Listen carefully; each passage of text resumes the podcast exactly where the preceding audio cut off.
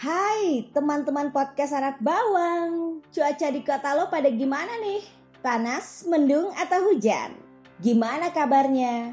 Baik-baik aja lah ya Apalagi kalau dengar suara gue cuap-cuap auto bakalan drop Ups sorry Tetap semangat dan selalu dimudahkan rezekinya Di hari terakhir event pejuang kebaikan Tema yang dikasih adalah mohon maaf Hmm, berat eh.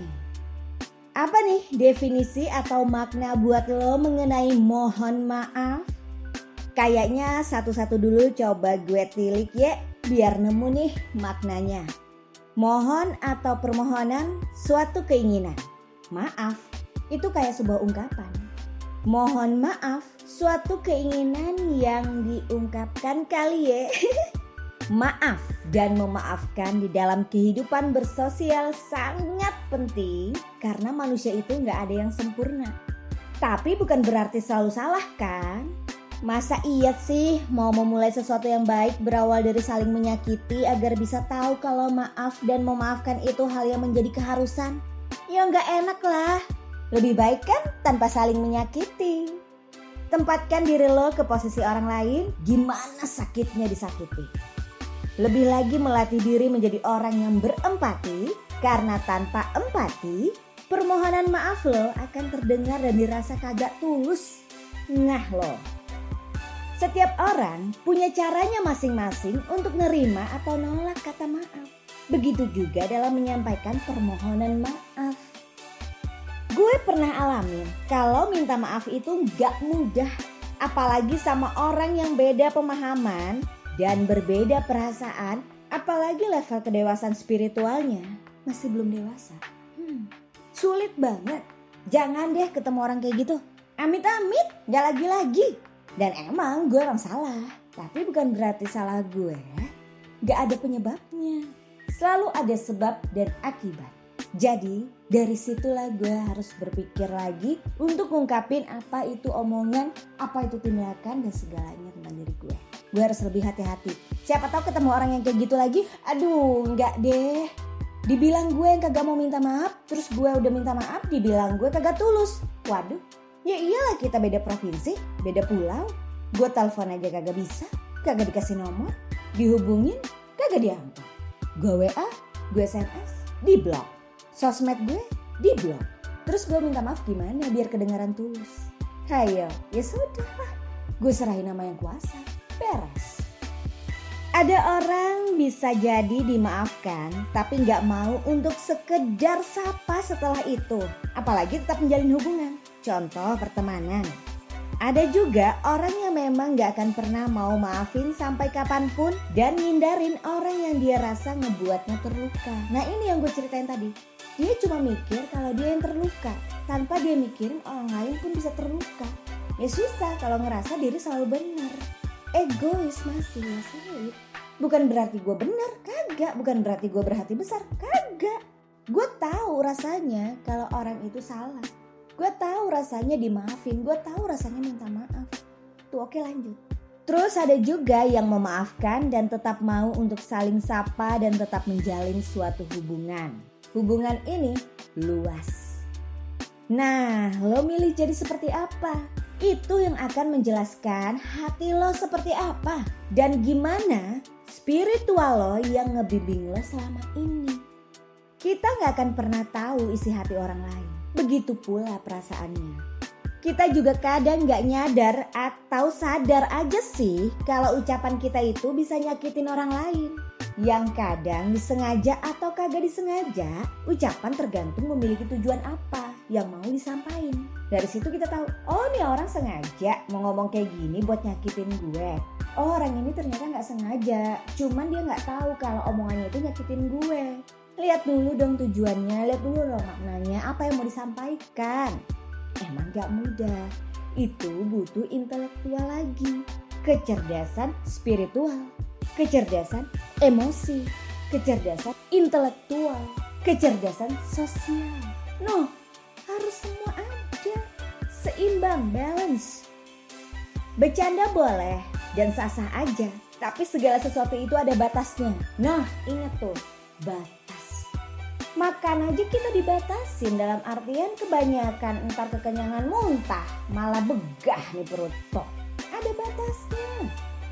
Olahraga terlalu kuat, tar lu drop, batasin waktu olahraga lo. Semua ada batasnya. Tidur lo aja 8 jam maksimal yang terbaik. Kelebihan jadi penyakit, kekurangan sama, bikin sakit. Udah, dari situ aja udah tahu kan, segala sesuatu ada batasnya. Permintaan, permohonan atau mohon maaf itu nunjukin kalau kita peduli sama perasaan orang lain. Nah itu empati. Yang ngebuat kita siap atas konsekuensi yang akan kita terima dari permohonan maaf kita. Dimaafkan atau kagak setiap orang punya pilihan. Dan pilihan itu yang mewakili karakter kita. Kita kagak mau maafin, ya udah itu karakter kita. Emang orang yang susah maafin. Ada yang gampang maafin, ya udah emang orang itu memang pemaaf bukan karena dia bego mau maafin orang kagak. Karena dia tahu bahwa nggak ada gunanya sih buat nyimpan salah orang jadi penyakit. Sakit hati nggak enak racun. Ih amit deh gue. Lo boleh keluarin pendapat boleh keluarin gagasan kritikan dan lain sebagainya. Tapi sebelum dikeluarin coba pikirin dulu. Biar nggak jadi masalah yang nanti bakal hadirnya permohonan maaf. Gue mohon maaf banget toh itu ya gara-gara omongan kagak dipikirin dulu. Tindakan kagak dipikirin dulu. Kalau kagak ada positif, ngapain? Udah, masukin sampah. Gak usah disampaikan ke orangnya kalau bakalan itu jadi negatif. Beres. Jangan pernah kecewa atau balik membenci jika permohonan maaf lo kagak diterima atau malah diabaikan. Nih, cukup lo serahkan pada yang kuasa jika permohonan maaf lo emang tulus. Lu kalau sampai ngomong sama yang kuasa bilang lu udah minta maaf dan lu udah memaafkan orang itu atau segala macam tetek bengek. Itu artinya lu tulus, titik. Bukan pura-pura. Buat gue nggak tahu buat orang lain. Saat lo minta maaf, simpan dulu deh atau bahkan buang jauh-jauh tuh yang namanya ego. Ada tulisan cakep, seorang mahasiswa psikologi namanya Avi, teman gue di Facebook. Dia bilang berbuat salah itu wajar kok. Mengakui salah nggak otomatis membuatmu jadi rendahan dan dilabeli tercela selamanya. Selama kamu masih membuat kesalahan berarti kamu masih manusia. Selama kamu masih mau berubah jadi lebih baik, berarti kamu masih punya harapan. Kalau ngomongin permintaan atau permohonan apalagi soal kata maaf, itu panjang banget karena luas eh. Intinya lebih baik berusaha kagak bikin salah aja deh dari ucapan apalagi tindakan sama orang-orang yang terlalu riskan alias hatinya masih terlalu lemah. Seandainya paham jika kehidupan ini sungguh kejam, maka kita nggak akan mudah tersinggung apalagi tersakiti. Itu semua karena harga diri kita yang terlalu kita labeli dengan harga yang tinggi yang menghasilkan keegoisan. Hal yang jauh dari sebuah kerendahan hati. Lo yang sulit atau kagak mau maafin orang lain nih, yang udah mohon-mohon minta maaf sama lo, gue kasih jempol tangan gue yang dua. Sama jempol kaki gue dua juga buat lo. Lu jauh lebih hebat dari Tuhan. Lu jauh keren dari yang kuasa. Mantap, eh. Salut gue. Ingat ya, berapa kali semasa atau sepanjang hidup lo itu nyakitin hati Tuhan. Saat lo mohon ampun, apa Tuhan bilang kagak kasih? Kagak mau maafin lo? Malah lo diabaikan. Ya kagak lah. Lo malah diampunin, malah diberkati. Masih sulit kasih maaf buat orang? Tiap orang emang punya traumanya masing-masing. Ada yang trauma kasih maaf terus dimanfaatin sama orang yang dimaafin. Ada juga yang mohon maaf itu pura-pura tetap berulah lagi. Dan ada yang mohon-mohon maaf malah dipermalukan sehingga dia sulit untuk memohon kata maaf jika dia melukai orang lain. Memaafkan orang emang kagak bisa dipaksa. Tapi jika orang paham makna kasih, dia gak akan sulit memaafkan. Terlepas dari niat orang itu tulus ataupun kagak.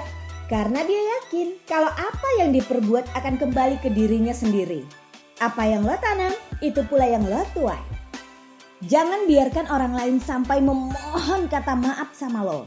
Karena apabila suatu hari nanti lo yang ngerasain hal itu, apa yang akan lo lakukan? Hmm? Maafkan kesalahan orang lain karena yang kuasa telah memaafkan salahmu. Memohon maaf itu tulus, jangan pakai topeng pura-pura.